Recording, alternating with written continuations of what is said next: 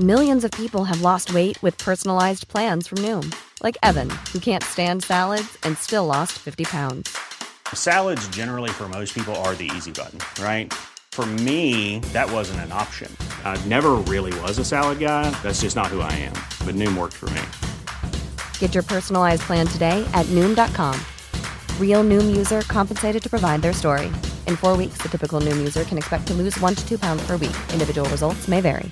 Planning for your next trip? Elevate your travel style with Quince. Quince has all the jet setting essentials you'll want for your next getaway, like European linen, premium luggage options, buttery soft Italian leather bags, and so much more. And it's all priced at 50 to 80% less than similar brands. Plus, Quince only works with factories that use safe and ethical manufacturing practices. Pack your bags with high-quality essentials you'll be wearing for vacations to come with Quince. Go to quince.com slash trip for free shipping and 365-day returns. I'm Sandra, and I'm just the professional your small business was looking for. But you didn't hire me because you didn't use LinkedIn jobs. LinkedIn has professionals you can't find anywhere else, including those who aren't actively looking for a new job but might be open to the perfect role, like me. In a given month, over 70% of LinkedIn users don't visit other leading job sites. So if you're not looking on LinkedIn, you'll miss out on great candidates like Sandra. Start hiring professionals like a professional. Post your free job on linkedin.com/people today.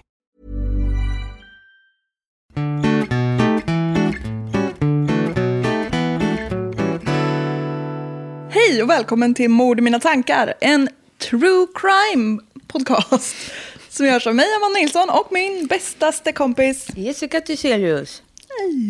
Käften full i nötter. Ja, så det knastrar gött. Jag är så svältfödd. Vad heter det när man spelar? ASMR. Just det. Få höra ditt bästa ASMR.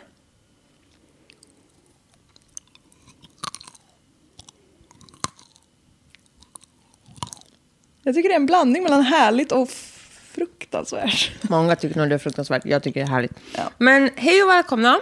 Tackar, tackar. Jag eh, äter nötter och du eh, Svettas. dricker kaffe och svettas. Det är bra Det är fuktigt. Men vi är här. Ja, men snälla veckan som har varit. Hur fuktigt? Alltså jag har jobbat, jag jobbade 15 timmar igår.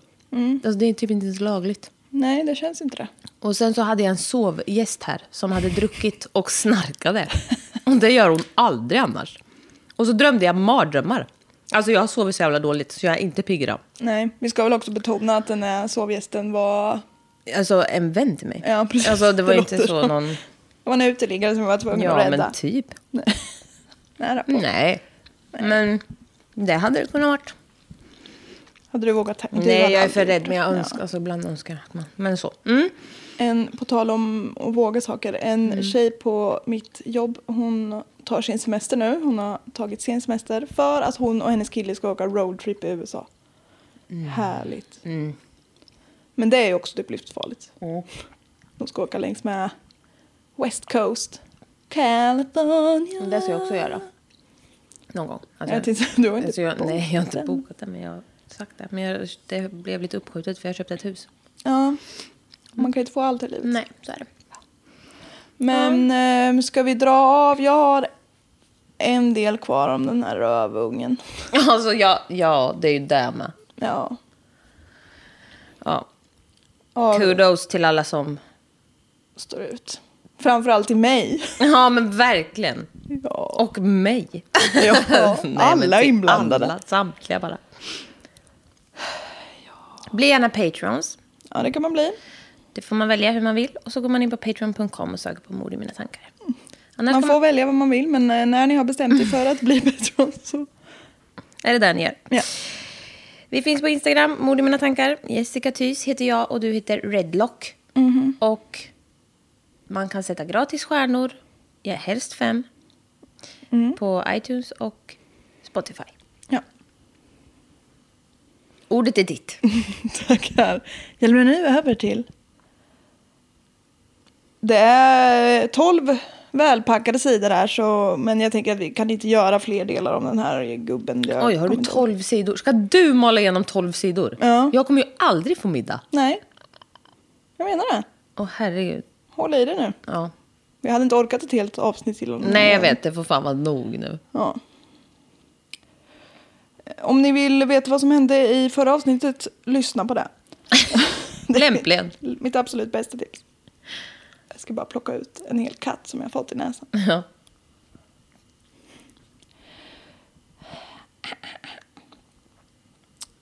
Vi avslutade ju förra veckan med lite så fina brev och dikter. Min syrra med manligt bihang kom hit idag. Jaha, Ja, de är ju de är around. långt härifrån bosatta. Nej, inte nu. Ja. Spännande surprise. De har inte sett vårt hus än. Eller ja, nu har de idag. Ja, Helt sjukt. helt sjukt. Ja, kör.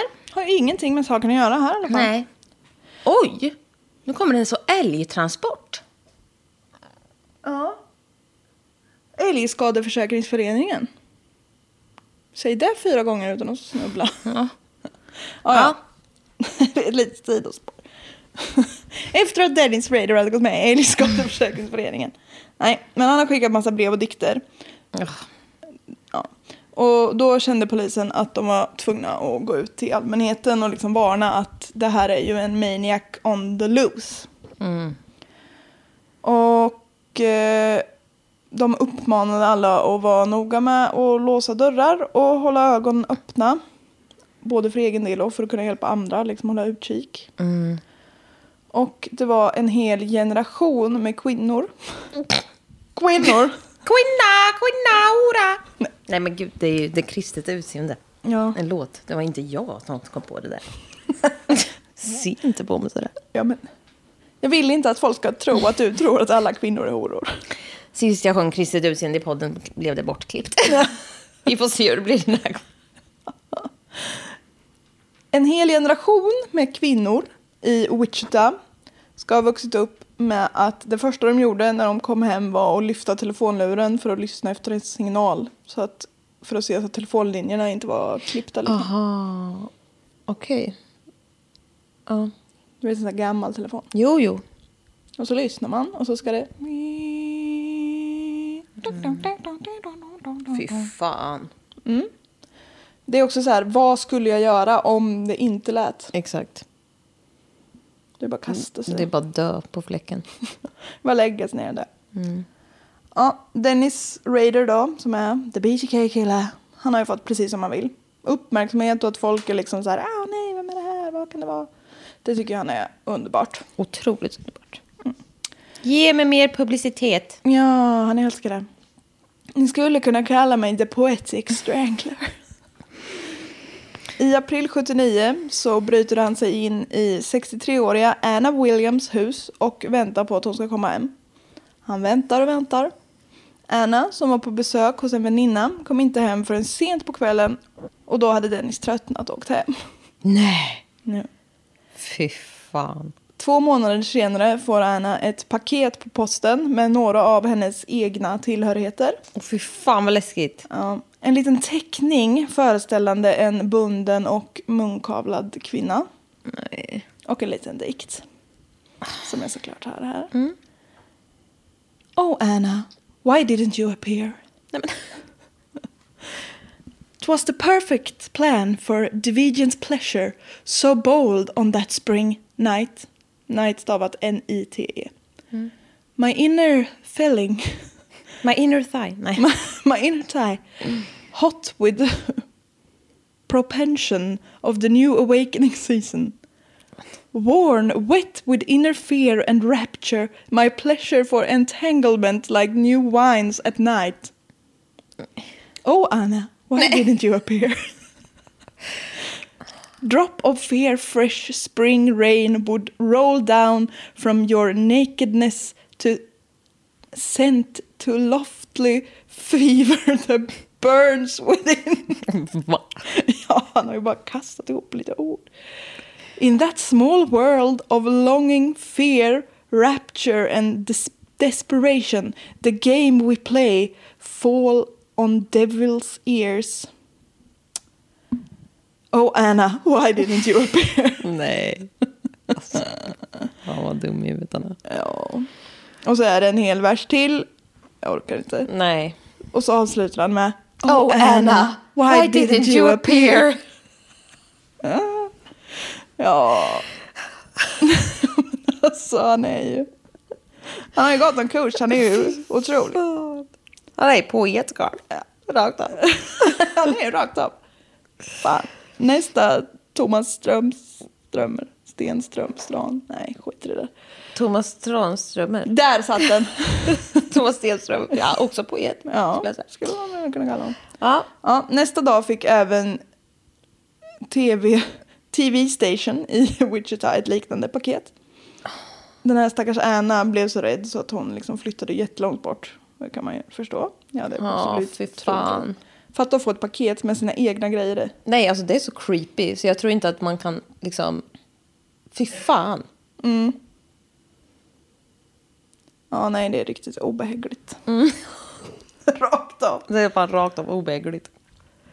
Under tiden som han är seriemördare, den här Dennis, så är han också en helt normal person. Ja. Ja. I juni 1978, alltså året innan som han bryter sig in hos Anna, så föds hans andra barn, dottern Carrie. Och eh, jag pratade ju om den här utbildningen som han gick på universitetet, the Administration of Justice, som ingen riktigt fattade vad det var. Det var ju tydligen meriterande om man ville bli polis. Så det var ju lite Jaha, sånt. okej. Dennis hade alltså Ja, just det. Ja, vad bra. Ja, han ville jättegärna bli polis. Dock så sökte han aldrig in, men han var liksom med och frivilligt patrullerade gatorna. Typ grannverksamhet. Nej, men. Istället för att bli... Varför, varför sökte han inte in om han så jävla gärna ville bli polis? Jag tror att han typ så, nej det är inte så bra ifall de börjar undersöka mig och sådär. Ja. Precis. Vilken intelligent respons. När hans son var gammal nog så går de med i scouterna. Så han har även varit så scoutledare för massa, massa barn. Det ska man inte vara. Rent allmänt. Nu var vi ju på 79 när han bröt sig in hos den där Anna. Då, vi ska hoppa fram till den 27 april 85. För nu är Dennis 40 år gammal och hans son Brian är 9 år. Tillsammans är de på ett scoutläger med övernattning och hela skiten. Strax liksom utanför stan. Oj! Ja, vad ska man... Alltså. När det blir kväll så klagar Dennis på att han har huvudvärk och menar att han måste åka in till stan för att köpa värktabletter.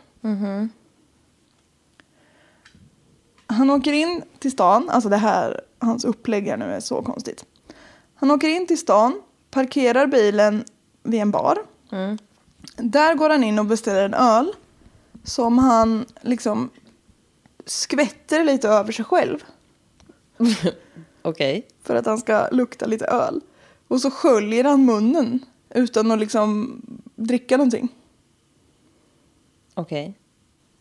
Han ringer sen en taxi och spelar lite full. Han säger till taxichauffören att köra honom till ett område, i, eller en park i området Park City. Han bor i, nej, City Park heter det. Och det är liksom ett område som han själv bor i. Och så ska han liksom bli avsläppt i den här parken för att få gå av sig fyllan lite. Taxichauffören släpper av Dennis i den här parken. Och alldeles in på gränsen till den här parken så ligger Dennis grannes tomt, Marine Hedge. Marine är 53 år och har ganska nyligen blivit änka. Dennis smyger fram till huset och ser att Marines bil är hemma. Och då blir han först ledsen eftersom han gillar att smyga in i huset och sen överraska sina offer. Till sin stora lycka är dock Marine inte hemma. Vilket han upptäcker efter att ha brutit sig in genom bakdörren med hjälp av en skruvmejsel. Och här har jag med. Man vill inte att det ska gå att göra det. Nej, verkligen inte. här har jag, så jag bara, när jag höll på och researcha det här så vart jag så konfunderad på ordet mejsel. Var kommer det ifrån? Vad betyder det? Maisel. Mejsel. Och då hittade jag inte det, men Men något annat intressant. Ja, för då så googlade jag på bara ordet mejsel. Och då kom upp, vad hette det? Det hette typ Fula ordboken. och då var det typ mejsel och så var det något vad det betydde. Och det kunde ju betyda kön. Man kunde typ mena sitt kön. Och då var det en massa andra så ord som också kunde betyda kön. Som, och ett av dem var mekaniten. Mekaniten, Aha. det kan man tydligen kalla den. Okej. Och då har det tydligen då har de ju så satt in det här ordet i ett sammanhang för att man ska förstå Nej. vad det betyder. och då kom den här briljanta meningen. Han slog ett snöre om mekaniken sin, drog den bakåt mellan benen och knöt fast hängslena på ryggen. Och sprätte mekaniken, sen sprätte mekaniken fram som en stålfjäder och smällde kärringen i ansiktet.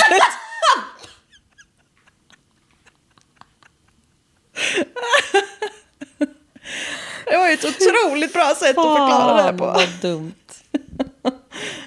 Så det är ett litet tips för er som vill hetta till i sovrummet. Ja, perfekt. Sprätt den fram. Nej. Så sexigt. Nej, eh, tillbaka till annat. Dennis tog sig in i, Mekaniken. i mekaniken. Sprätte den? Sprätte in mekaniken. Nej, det, usch, det är det han gör. Nej, usch. Eh, han gömmer sig i alla fall i en garderob i sovrummet. Och snart kommer Marine och hennes vän Gerald Porter hem. Porter. Dennis väntade i den här garderoben till klockan ett. Jag vet inte hur mycket klockan var när han kom in. Men ja, Jättelänge hoppas jag. ja förhoppningsvis. Jag hoppas också att han fick riktigt ont i någon led. Ja. Eller Alla. Ja. Nej, det räcker med en faktiskt. Ja. När eh, Gerald har åkt hem så smyger Dennis sig ut ur garderoben och väntar lite tills Marine går och lägger sig. Hon har flera sovrum så det var inte i hennes riktiga sovrum som han gömde sig. Får jag fattat. Men i alla fall, han ställer sig och liksom först så flipprar han lite med ljuset i badrummet. ja men alltså, så jävla jobbig. Ja, för att få För att vara skräckinjagande. Ja.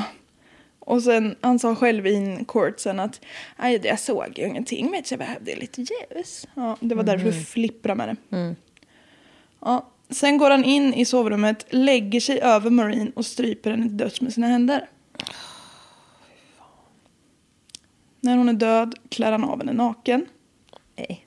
Och sen spårar det här. Han släpar med sig Marines kropp och lägger den i bakluckan på hennes bil. Och åker till den här kyrkan som han är medlem i. Och han är liksom representabel, eller respekterad i den här kyrkan, så han har en nyckel.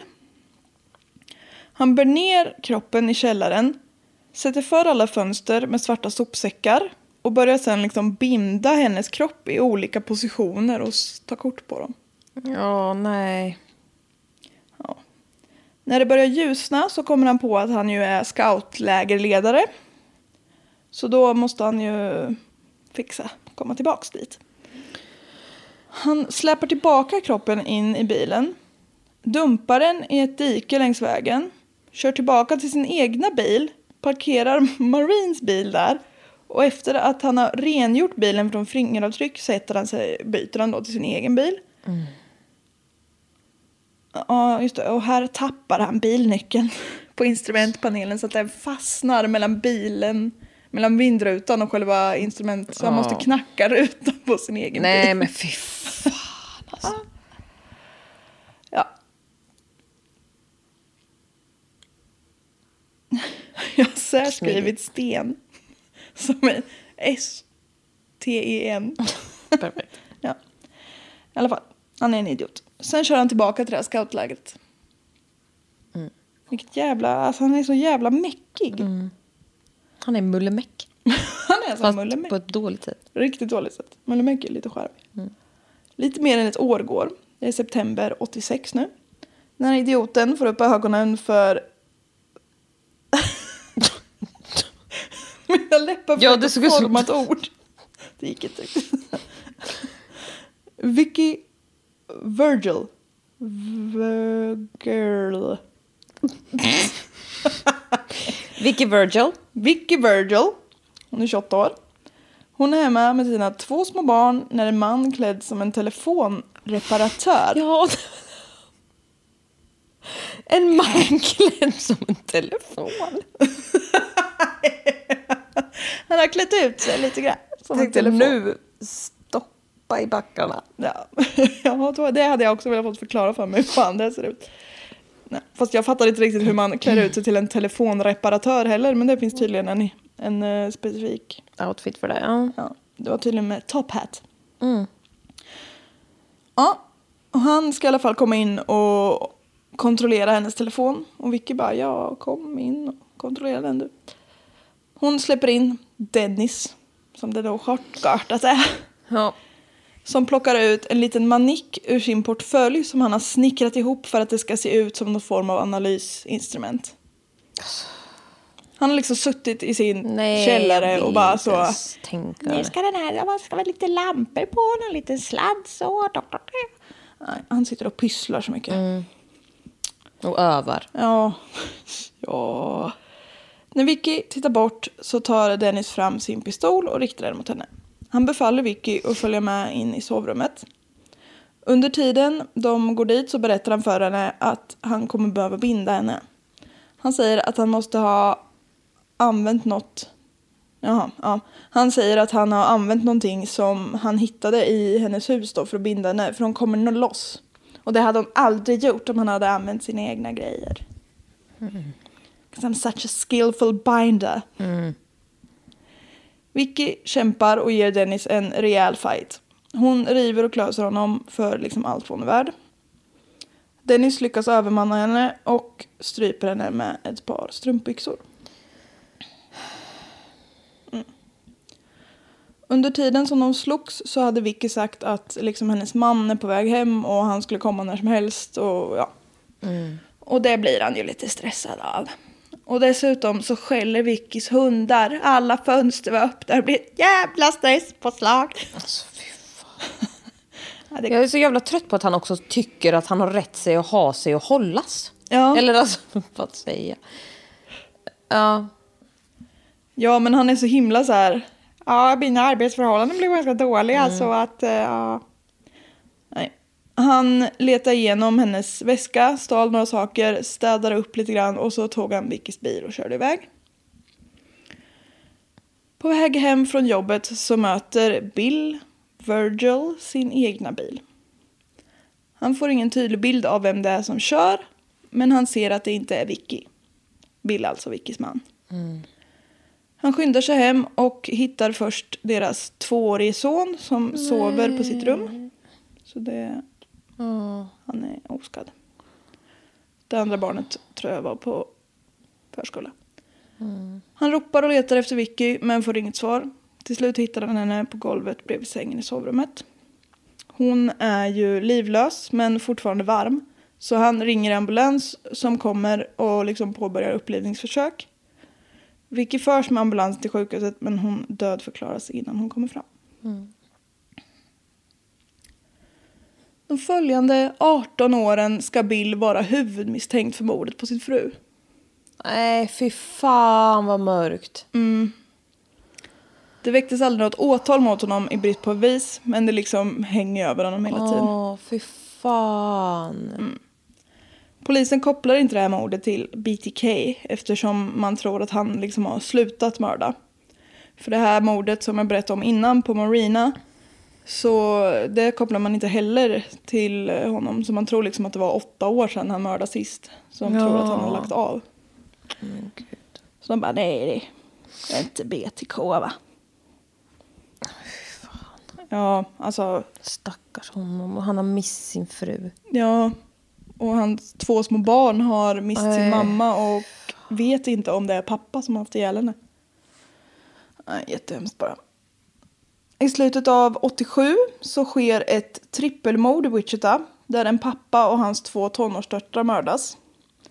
En snickare grips och åtalas för det här mordet. Dels för att man har sett honom fly från mordplatsen i familjens bil och dels för att han senare också har använt deras kreditkort.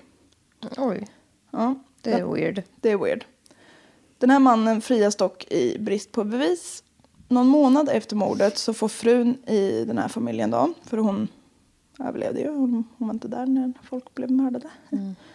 Hon får i alla fall ett brev från en BTK Där han skriver att han inte var skyldig till de här morden men att han beundrade den som hade gjort det. Alltså, fy fan. Ja. Han har även skickat med en liten teckning på hur han trodde att det hade gått till. Men det liksom passade inte alls med bevis som fanns och sådär. Så. Polisen tror först att det här brevet kommer från någon copycat som bara säger att de är BTK och är vidrig och äcklig. Men senare kommer man att hitta originalbrevet hemma hos Dennis. För han liksom kopierar dem ju. För att man inte ska kunna spåra bläck och sånt. Så jo då, han skickade ett brev till en kvinna som nyss förlorat hela sin familj bara för att säga att det inte var han. Ja, men alltså, fy fan. Ja. Ja men alltså bara riktigt vidrig människa. Men fy fan vad sjukt. Jag trodde du skulle säga att det var han sen. Nej. Ja, men fy fan vad han Fy fan vad... Och det är så himla att han, han tänker ju att han är liksom Nej, the men king killer of this town. Och nu Ja. kom det någon annan och gjorde ett litet mord men det var ju inte jag. då ska jag kommentera det. Ja exakt. För jag är... Nej, men alltså. Ja, men vidrig. Om det inte har framgått tidigare. Någon gång under 88 så blev Dennis av med sitt jobb igen. Han beskrivs av kollegorna som svår att samarbeta med men kundorienterad. Jag vet inte riktigt hur Eh, man ska okej. tolka det. Men... han, eh, han var snäll mot kunderna med men det var ingen som kunde samarbeta med honom. Det är lite oklart exakt varför han fick sparken men den officiella liksom, som företaget sa var att han inte var tillräckligt effektiv. Det är så sjukt i USA att man liksom kan säga nej men du, du jobbar inte på tillräckligt bra så vi kickar dig nu. Ja, det är lite väl. Ja. På tal om politik. Jag har funderat så mycket. Det, nu i eh, augusti, slutet på augusti när vi spelar in där så har det ju börjat så med valgrejer. Det är så mycket grejer överallt. Ingen, det har ju inte undgått någon att det är val. Nej. Det är så mycket affischer och grejer överallt. Men jag har bestämt mig för att det här är inte en politisk podd. Så därför tänker jag inte säga mer om det. Bra. Good for you. Ja, tack. Då fick jag det sagt. Ja, han, eh, Dennis här har lite svårt att få ett nytt jobb. Han hankar sig fram på lite ströjobb och tillfälliga jobb. Drömmen är ju att få bli polis, men eh, han tar ju av någon anledning inte riktigt tag i det. Det dröjer till januari 91. Han blev alltså jag av med jobbet 88 där. Men 91 så har han identifierat ett nytt projekt, eller PJ. Ja. Nu är han 45 år, så det ser ju lite... Eller, han, det ser lite riskabelt ut. Han ser det som lite riskabelt att ge sig på unga kvinnor, speciellt om de har en pojkvän. Han är ju inte 25 längre, tänker han själv. Nej, men. Ja. Så därför börjar han rikta in sig och ståka fram främst äldre kvinnor. Ja, men han är så jävla Nej, störig. Jag, jag vet. Och att han liksom ens tänker så här är störigt. Ja. I januari 91 då, så har han fastnat för 62-åriga Dolores Davis. Hon bor ensam i ett hus cirka en och en halv mile från Dennis. Jag vet inte hur lång en mile är, men ni vet, inte jättelångt. Och hon bor också i slutet på liksom en liten väg och utan grannar liksom i 1,6 kilometer. Ja, du ser. Utan grannar i den absolut närmsta närheten. Närmsta Mm. Ja. närheten. Men ja. Ja. Det är lite remote. Ännu en gång smiter Dennis iväg från ett scoutläger han är på med sin son. Han kör hem till sina föräldrar som tydligen var bortresta och byter om till sina hit clothes. Fy fan med sitt lilla hitkit. Ja. Det är också äckligt för när du sitter där och pratar så förtränger Så jag är det så äckligt. Nej, men då förtränger jag det faktum att han har barn. Ja. Och fru. Ja. Fy Ja. fan. Ja, han är så äcklig på alla vis. Och han liksom i... För jag har ju läst eh, domstolspapper och allt möjligt. Men han liksom, ah, I, am, I had my hit clothes. Och domaren bara, jaha, vad, vad, är, vad är det då? Bara, ja men du vet. Eh, och domaren bara, nej, jag vet faktiskt Ingen inte." vet det här. För det, det är så jävla sjukt beteende. Ja. Han bara, ja men jag kan ju inte ha mina vanliga kläder. Det får inte komma blod eller så, eller eh, så på dem. Så jag måste ju ha specialanpassade hitclothes som inte gör någonting om jag blir Typ av då, med. blåställ. Ja men typ, han har ju så här, ja men när jag ska. Mm. ut och jobba på trädg- i trädgården. Typ sådana. Jävla idiot. Ja. Han parkerar vid en kyrka några kvarter bort från Dolores hus och börjar gå. När han kommer till Dolores hus så ser han att hon fortfarande är vaken eftersom det lyser en liten lampa i sovrummet. Han väntar utanför tills lampan är släckt. Han går sedan runt till baksidan på huset och tar med sig ett cementblock som han hittar i ett förråd på tomten och slår sig in genom glasskjutdörren. Lite diskret. Oh. Stackars Dolores vaknar ju såklart av den här kraschen och kommer ut ur sovrummet. Dennis kör då den här gamla klassikern att han är en efterlyst rymling. Oh. Ja, ni vet. Han hotar Dolores med pistol och tvingar in henne i sovrummet. Tvingar, att lägga, tvingar henne att lägga sig på mage och binder hennes armar bakom hennes rygg. Han stryper Dolores till döds med ett rep. Dennis släpar sedan ut Dolores kropp och lägger den i bakluckan på hennes bil. Han kör iväg en bit och gömmer kroppen i ett dike under några grenar. Han åker sedan tillbaka med Dolores bil, går och hämtar sin egna bil för att sedan åka och hämta upp kroppen igen. Nej men herregud! Ja men det hålls på. Han kör runt ett tag och väljer sedan en plats som han dumpar kroppen på, tar några bilder och sen kör han tillbaka för att byta om från sina hitclothes och så åker han tillbaka till scoutlägret. Alltså fy fan. Jag menar, han, han håller på så jävla mycket. Alltså fy fan. Mm. Dagen efter så smiter han återigen från det här scoutlägret, lägret, åker till kroppen för att posera den i olika bondage-poser och ta fler bilder. Han kommer även att göra en liten teckning som visar hur det sett ut precis innan Dolores dog. Här, se. Vad duktig han är. Mm, jag har sett den där. Mm. Och att han, liksom, han är så äcklig att han, att han ritar av det Ja. överhuvudtaget. Och att han sa, ja på skrivbordet eller på nattduksbordet var det en lampa och en liten penna. Han sitter och pilliduttar så mycket. Ja, så jävla mycket. A moment before it's over heter den här teckningen också. Han har ju jättefint namn. Ja. Har du en dikt också?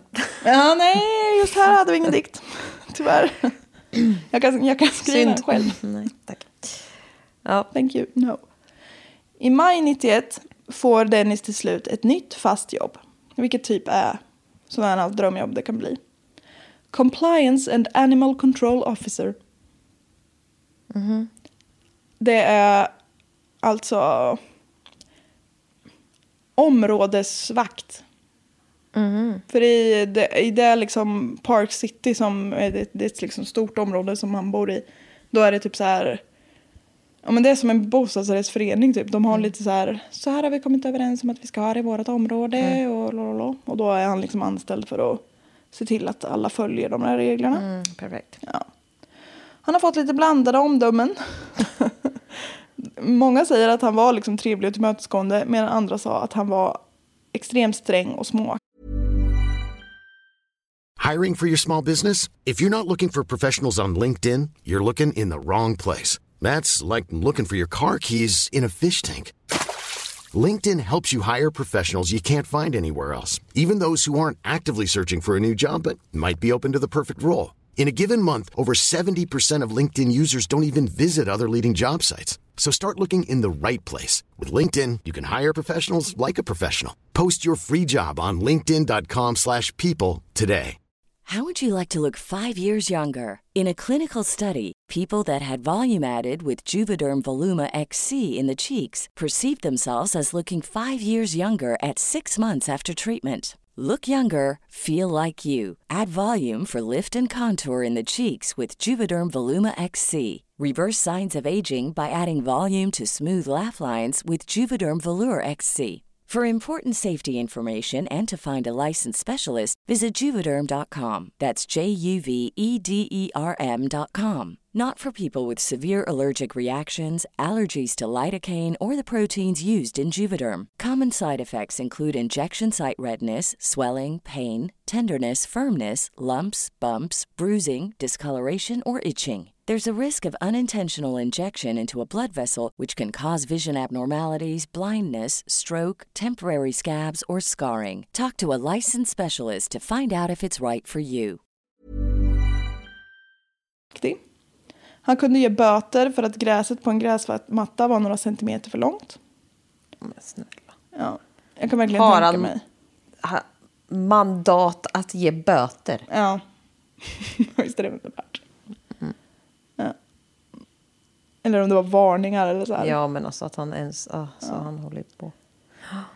Det här är en människa som man inte behöver ge någon form av makt. Nej.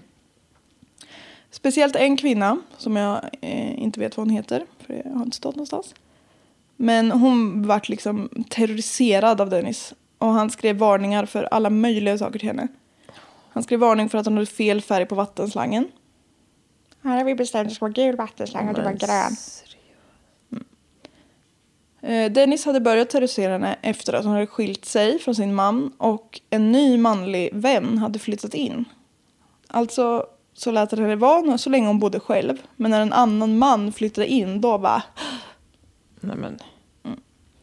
hennes kompisar då hade parkerat en trasig bil på uppfarten som han höll på att reparera. Och det skrev Dennis en varning för för att den var ful och i vägen. Alltså man bara, du är ful och i vägen. Hela Ja, tiden. Verkligen. Jag skrev en varning på ditt blotta utseende. Ja. Dennis informerar den här kvinnan att om han, och syftar då på hennes vän, försvann så skulle allting bli bra. Mm. Senare kom hon på Dennis med att undersöka hennes bakdörr som plötsligt hade gått sönder. Hon stod ut med alla de här dumheterna tills Dennis beslagtar hennes dotters hund och avlivar den innan de hann komma och hämta den. Va? What the fuck? Jävla äckliga människa. Ja. Ja, jag vet inga... Också beslag. Man bara snor en hund och har ihjäl någons hund. Ja, Jävla idiot. ja, riktigt äcklig. Efter det så flyttade hon ifrån det här området, så det kan vi förstå. Stackars människa. Och Och så nu- att det är hon, att de ska flytta. Ja, precis. Hon kanske trivdes skitbra i det här huset. Nej, det är för hemskt. Ja. Nu kommer det att döj, döja. Det här med R. Jag jobbar inte med R. Nu kommer det att dröja fram till 2003 innan det blir fart i luckan igen. Dennis har under tiden lyckats bli liksom president i den här lutheranska kyrkan som han och hans familj går i. Barnen har flugit ut ur huset och han har blivit chef över de här övervakningsområdesvakterna, kött och fräs. Han var inte en uppskattad chef. Nej. Dennis har själv börjat fundera på om han ska göra en comeback. Alltså, han är så jävla äcklig. Då livet börjar bli lite tråkigt när inte barnen är hemma och så vidare. Dock så hinner den här tidningen, Wichita, Wichita Eagle och Robert Beatty före.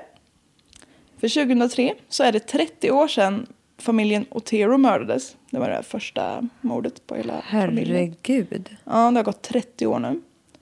Och då publicerar den här tidningen en artikel om mordet för att liksom pålysa att det fortfarande är olöst. Ja. Och man liksom spekulerar i tidningen också. En hel jävla spottloska. Ja, jag ser det.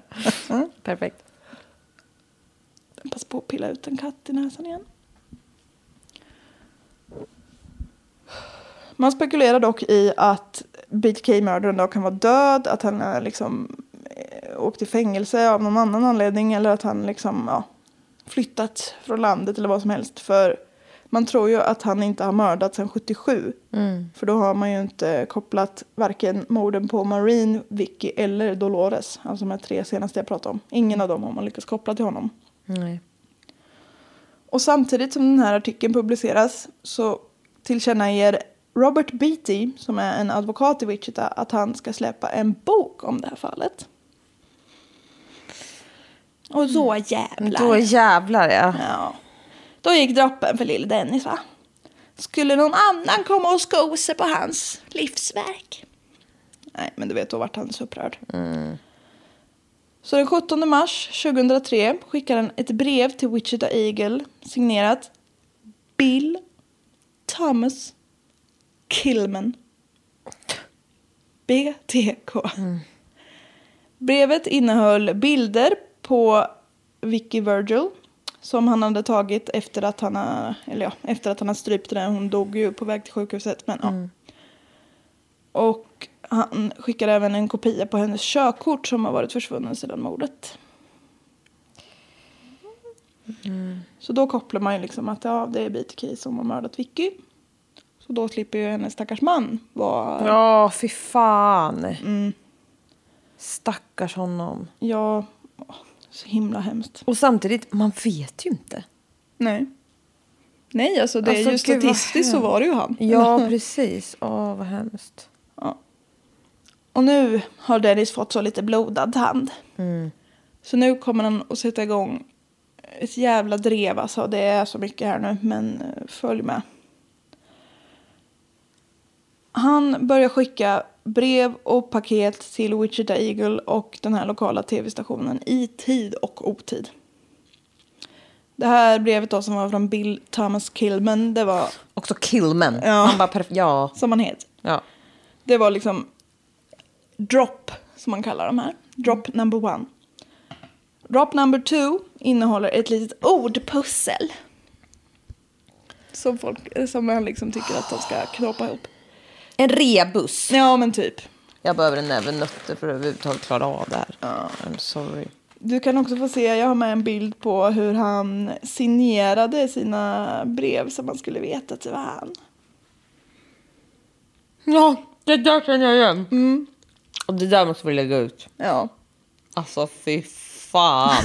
Han har liksom skrivit Nej, men alltså jag kan inte. BTK fast på ett lite så konstnärligt fyndigt sätt.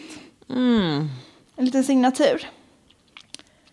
Det är dock ingen som lyckas lösa det här ordpusslet och det var, det var väl för att det var gjort av en idiot. Dropp nummer tre är ett paket som man har tejpat fast på en stoppskylt. Liksom lite randomly för att någon till slut ska hitta det. Det innehöll ett brev med, med massa detaljer om mordet på familjen Otero. En liten teckning av en naken kvinna som var hängd. Eller är det naken en liten flicka som var hängd? Eller ja, det kanske inte var förresten då. Det, det var någon referens till det. Så.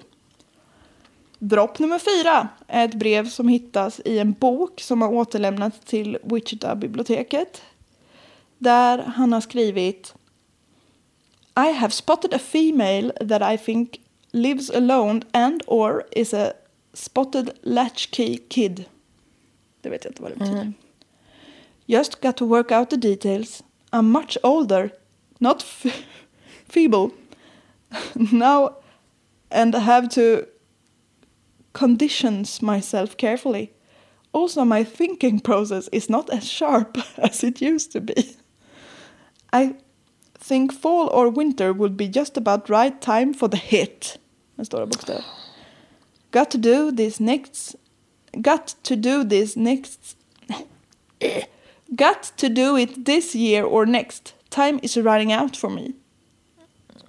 Då blir jag lite såhär, jag börjar bli lite gammal. Börjar bli tårar nu. ja, lite jobbigt. Dropp nummer fem Åh. var ett brev som innehöll massa små kort. Med lite olika innehåll. Han har suttit och pysslat Alltså han har gjort jäveln. så här typ påskkort Ja, på typ. dagis. Eller förlåt jag svär. Förskolan. Ja, jo men typ. Det var flera bilder, alltså på random barn som han typ har klippt ut ur tidningar. Och så har han ritat så här ögonbindel och gagballs och så här på de här. En liten teckning på en bunden kvinna. En dikt som heter Death to Landwehr. Och den här Landwehr var Death. För, ja, död. Mm. Du säger deaf. Det betyder döv. Ja, ja. Dövåt! Ja. Jag önskar hörseln ur dig. Det hade varit mer, eh, det hade varit bättre. Landwehr är i alla fall den här förundersökningsledaren för BTK-morden. Så jag har inte med Ja. den dikten men det var liksom, Nej, det räcker som det är. ja tack. Bevare mig väl. Bevare oss alla väl. Han har liksom suttit och pysslat ihop ett helt så påskpaket. Han har även skickat en massa falska fakta om sig själv för att försöka lura polisen på fel spår. Då har han liksom såhär, ah, jag växte minsann upp i ett höghus utanför stan. Ja men alltså så här. Jag är tall, dark and handsome. Ja. ja. of course. Jag Guds gåva till kvinnan. Dropp nummer sex. Är ett paket som en privatperson hittar i en park. Han, liksom han, han är ju så jävla... Sprider ut de här och bara... Han, nu kan någon liksom random person gå och hitta det här och bli livrädd. Det innehåller i alla fall en docka som är bunden runt armar och ben och har en plastpåse över huvudet. I repet som binder den här dockans fötter så sitter Nancy Fox körkort. Ja. Hashtag nummer sju, eller ja, dropp nummer sju, är ett cornflakes-paket som har skrivit BTK på och ordet bomb. Okej. Ah, this is a bomb, be careful. Frosties bomb. Kartongen innehåller lite mer falska fakta om honom själv, lite detaljer om några mord och så en liten förfrågan till polisen som lyder enligt följande. Can I communicate with floppy and not be traced to a computer? Be honest. under missan, alltså under eh, en sektion i Wichita Eagle-tidningen så ska ni svara Rex, it will be okay. Run it for a few days in case I'm out of town. Ja men herregud. Kräv något gubbjävel. Ja. I will try No, a floppy you. for the test run sometime in the near future. February or March. Ljug inte för mig nu. Lägg av. Be honest. I might be of town. Man bara, du kan dra åt helvete. Polisen ska alltså svara vad heter det, om han kan kommunicera med en floppy, ut, alltså en diskett är det. Utan att polisen kan eh, backtracka honom så ska de skriva Rex it will be okay i en annons. Nej, men alltså jag vill, jag, orkar, alltså jag kommer typ så här, jag kommer gå ut snart. Du får fan sitta. Du får sitta och prata Ja, men jag, jag är så trött. på honom. Nej, på dig. Nej. Ja. ja. Kartongen, den där cornflakes-kartongen, hittades i en lastbil utanför ett eh, US Home Depot. Det är ju en affär. Liksom. Depot. Depot.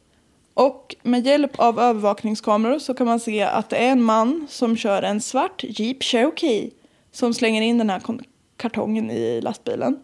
Det är dock inte att utskilja vem det är eftersom bilden är suddig och det är liksom för långt bort. Dropp nummer åtta Åh. hittar man efter att man har fått en liten ledtråd om var den fanns i dropp nummer nio. Nej, alltså. Alltså han har äggjakt. Ja, det är Alltså, exakt han- det är. Han skulle ju... Ja. Alltså jag fattar ju typ nu varför han är scoutledare. Ja, eller hur? På något sätt. Ja, nej, han skulle vara, om han bara inte hade litet modiskt sinne så skulle han vara perfekt med barn. ja. Fy. Ja. Hashtag nummer åtta, eller dropp nummer åtta, är en till cornflakeskartong. Kalsong. En cornflakeskartong. Jättepraktiskt. Framförallt komfortabelt. Ja, opera. Mm, I den här kartongen så ligger det en bunden docka som också är liksom bunden i halsen eh, till ett plaströr. Så det ska ju föreställa Josephine Otero. Som var den här flickan som blev hängd. Eh, dropp 9 var som sagt en ledtråd om vad dropp 8 fanns. Dropp 10 är ett vykort där han tackar för svaret på hans fråga att det var okej att skicka en diskett. Nej men, Han slutar aldrig. nej. Sist men inte minst. Oj. Dropp 11. Ett brev innehållande ett brev. Ett smycke som tillhörde något av offren och en lila diskett. Polisen tar och undersöker den här disketten och det ligger liksom massa BTK-skit på den, så här bilder och dikter och... Fan vad katt det är i min näsa. Ja, ni fattar. Men de hittar också någonting som avsändaren då tror att han har raderat. Man kan aldrig radera alla sina spår. Det ligger nämligen lite dokument tillhörande Christ Lutheran Church in Wichita och en mapp som heter Dennis. Fint. Ja. En snabb googling gav polisen att eh, the president of just Christ Lutheran Church in Wichita heter Dennis. Dennis Rader. Gom. Polisen stryker förbi. Stryker ja, ni vet. Nej. Nej.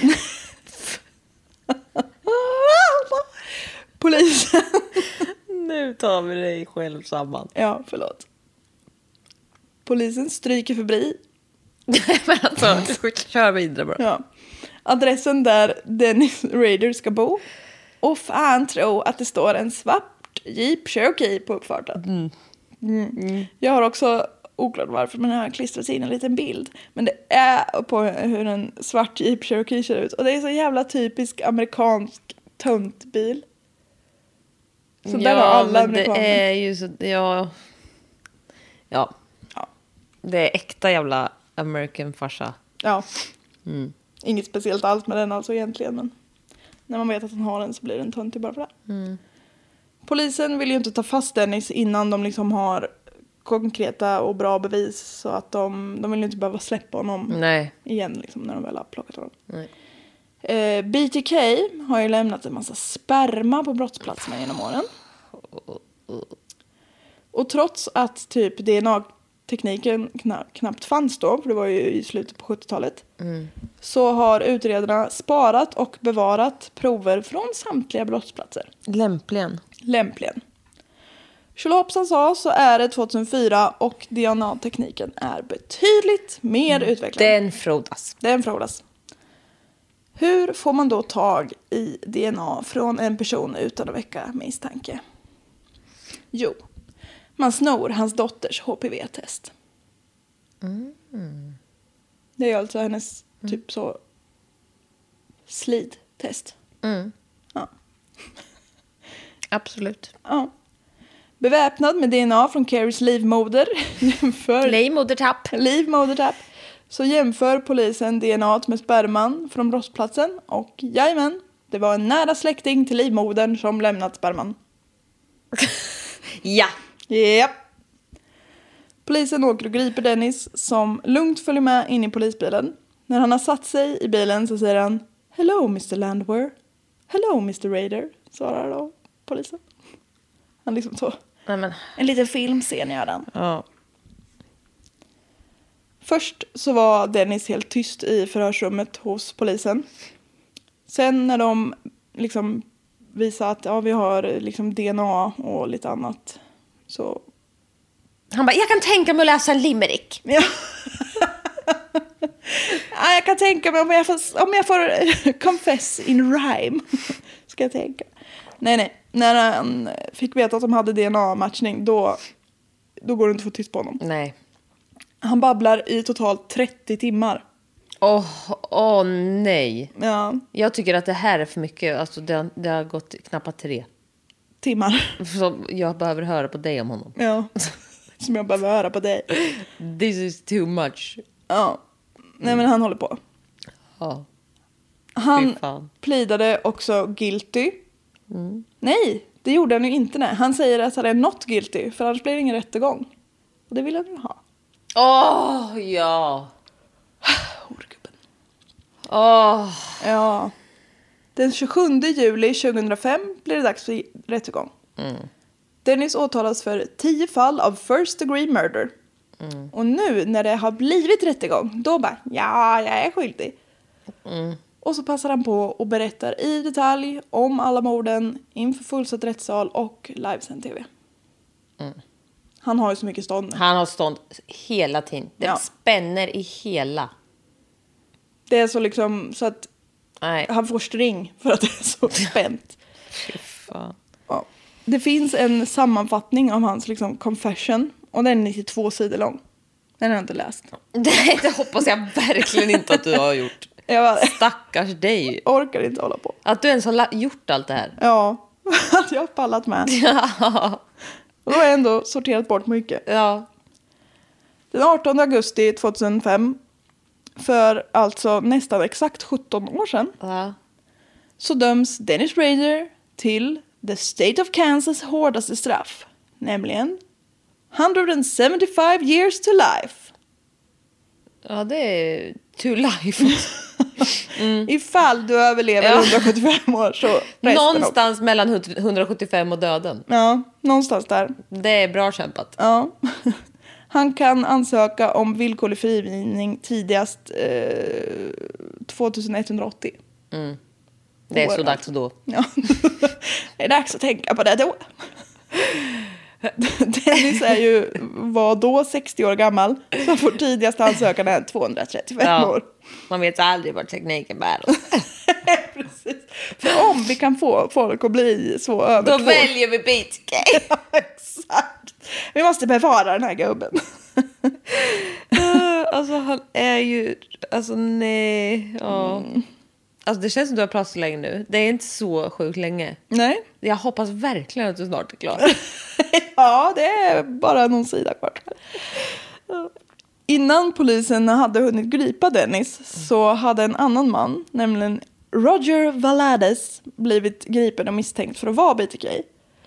Och den lokala tv-stationen då i Wichita hade jättesnabbt gått ut med både hans namn och adress. Aj, aj, aj. Men polisen kunde ju också snabbt säga att nej, men det var visst inte han för Nej, så DNA. Det ka- kan ju förbise många mer. Fler, Ja. fler än... Vad hände med honom, stackarn?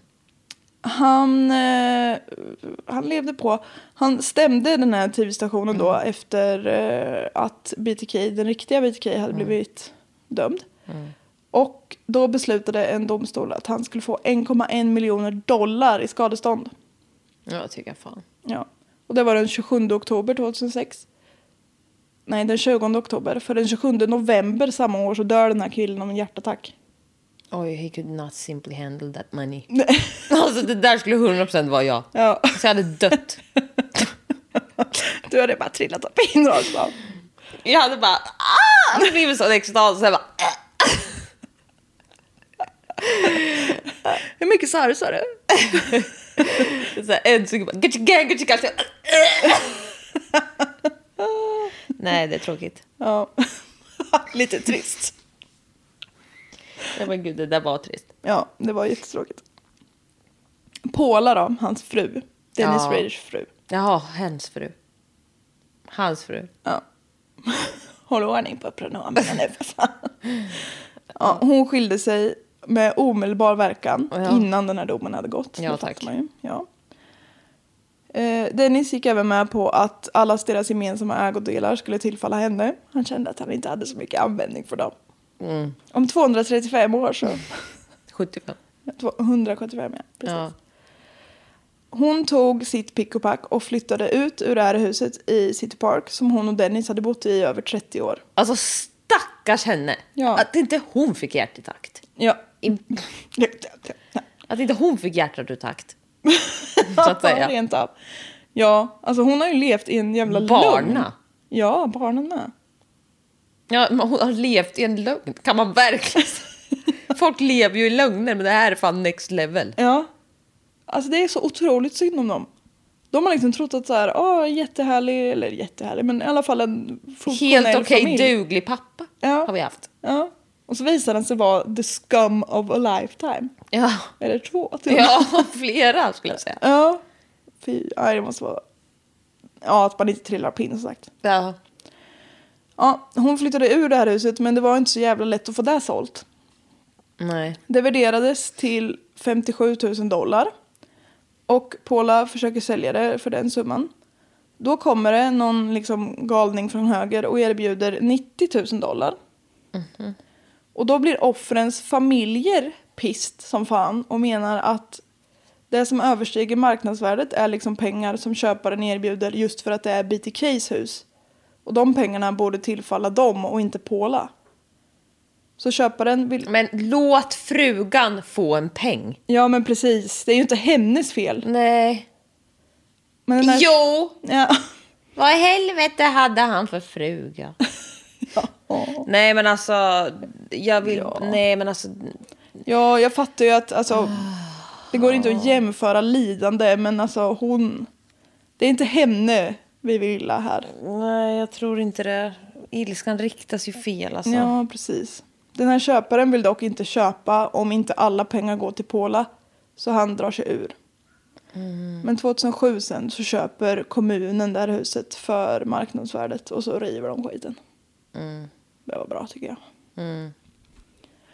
Offrens familjer har blivit tilldömda totalt 10 miljoner dollar i skadestånd av Dennis. Och det är ju pengar som han verkligen inte har. Så de kommer ju med största sannolikhet inte få ett öre. Dock så hindrar det att Dennis någonsin kan tillgodogöra sig pengar för att han liksom har fått sälja sin story. För då går liksom de till familjerna istället. Eftersom han har en skuld. Han har dock frånsagt sig all profit. Men får inte de pengarna ändå? Nej. Han ska ju betala till dem och han har inga pengar, då blir det inget. Alltså, fan. Ja. Så är det ju i svensk eh, alltså domstol med. Om du blivit utsatt för ett brott och så säger de att du ska få 25 000 av honom. Ja, det är alltid en han. Men alltså har inte han det då får du ju ingenting. Det är så här jättespeciella fall så går ju brottsofferfonden in tror jag. Ja, Men det är ju ovanligt. Ja. ja, då är det ju bara som skitsamma. Ja, det blir lite så. Det är ju om han får in pengar någon gång så kommer de till dig. Fast då har han antagligen skulder åt alla möjliga Jag håll. tänkte Så, säga det. Nej. Ja, ja. så ja. Han, Dennis har dock frånsagt sig all profit från liksom, att han ska kunna tjäna på sin story. Men man kan nog fan aldrig vara nog säker. Idag är Dennis 77 år gammal och sitter i fängelset. Troligen så är han avskild från andra fångar för sin egen säkerhets skull. Men han lever. Det var fucking det. ja, det här är mer än vad jag någonsin ville ha. Varför har jag tjatat om det här? Ja, det, det är bara ditt. Det är hemskt gjort. Jag drar väl lite källor. Det är Ja. jättemycket. Murderpedia-sidan på det här är jättebra. Ja. Det finns hur mycket som helst. Ja. Och sen har jag läst massa artiklar från alla möjliga tidningar. Jag har kollat på en ganska ny dokumentär från Youtube. För det är ju massa så uh, psykologer som har uh, intervjuat, han tycker om att snacka den här killen med. Så det är massa psykologer som har varit och intervjuat honom. Och så är det en kvinna som har intervjuat honom under tio års tid Oj. och gjort en dokumentär nu. Och den dokumentären, all profit går till offrens familjer. Ja, okej. Då kan vi kolla på den då. Ja, och det är ju eh, i kommer jag absolut inte första, göra. nej. I första delen, om ni minns det, så pratar jag ju om eh, ett av de här syskonen som överlevde Otero-familjen. Han är Nu lät det som att jag inte skulle göra det för att alltså, det kan jag väl göra för att pengarna ska gå till offer. Men Jaha, alltså, jag ja. kände bara så här, jag pallar inte med det just nu. Nej. Jaha, går pengarna till offer? Det Den kan ju stå och rulla medan jag städar då. Ja, exakt. Ja. Men eh, han är med i den eh, dokumentären. Mm. Och det är hjärtskärande när han pratar alltså. Stackars människa. Ah, förlåt, vem? En av de här uh, Otero-familjen, den första Ah. mordet, en av syskonen där, de var ju två, Ah. tre syskon som överlevde. Som inte var hemma. Åh, fy fan alltså. Och det finns, alltså det, hans dotter har ju skrivit en bok. Ja, det vet jag. Så det finns ju jättemycket mer, men jag bara, ja. Jag blev så jävla trött när jag Ja, på med del det tre. här, alltså. det, det här känner jag är... Det här är bra kämpat. Tack. Tänk att det finns de som har gjort det här och det bara blivit ett avsnitt. Ja, men jag hörde också, eller jag såg i våran DM, det var det någon, ah, men det, men det finns typ sån, någon så här seriemördarpodden, typ 12 avsnitt eller Ja. så. Jag bara, jaha, ja, men det, Där blir det inget det mer. får fan stå för någon annan. Ja. Nej, men det var väl, du hade sagt typ så här, ja, det finns väldigt kortfattade poddar. Ja, Men vi lyssnar inte på seriemördarpodden. Så. nej. Ja. Eller det kanske du gör, men ja. Ja. Det får man va? men jag gör inte det. 12 avsnitt, jag tycker tre är mer än nog. Ja. Men det du- här var inte det kortaste avsnittet vi har gjort heller. Nej. Det var lite lagom. Mm. Ja, men det här gör vi aldrig om. Aldrig. pra- pratar aldrig om honom igen.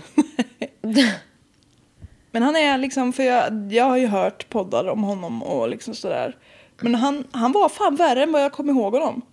Jag har detaljer. alltid minst att jag har hatat honom mest av alla. Ja. Men jag, eller ni fattar. Men jag har liksom förträngt allt. Och det är just för att jag, alltså jag kan inte hantera det här. Nej. Han är så... Han, han Kommer du ihåg suttit och funderat- gubbjäveln vi hade i och för sig en podd? Ja. Arthur någonting. Han var riktigt vidrig. Ja, han var också vidrig. Det var väl han som... eh, Det åts. Var det han? Jag tror det. Min- ja. Ja, ja, ja. Ja, ja. Nej, men det är, vissa är ju, hatar man ju mer än andra. Ja, det är En av faktiskt- dem som jag inte hatar är ju Jeffrey Dahmer då. Ja, Det har det är funderat om. debatterat. Han är, men nu ja exakt, jämför. Ja. Det är rätt charmig ska jag säga. ja, jämförelse riktigt jävla varm. Nej, men eh, det här var jobbigt. Vi hörs igen nästa vecka. Då ska jag gå igenom ett tips som jag har fått på Insta av er. Wow. Eller av en av er. Ja, av allihop. Av samtliga. Ett grupptips. Ha det så himla bra. Det är fortfarande sommar. Ja, Det kommer jag att säga fram till slutet på november. alltså jag ser bara så mycket fram emot att jag inte ska jobba 15 timmar imorgon. Ja, åh fy fan vad skönt. Alltså jag var gråtfärdig. Ja, det tror jag det. Folk, det är, vi måste Drömmer jag mardrömmar nu med? Jag vet inte vad det är om. Men, eh. Sen, dröm, ja, det kan det vara. sen drömde jag att jag, sen när jag hade som, lyckats somnat om så sov jag ganska bra liksom, de sista, den sista stunden, typ på morgonen. Så drömde jag att jag var tillsammans med Jakob Hellman. Ja. Han är så lite äldre än mina föräldrar. Men det han var så trevlig så. Men eh, nu säger vi godnatt. Tack och adjö. Tack och adjö. Hej då. Hej då.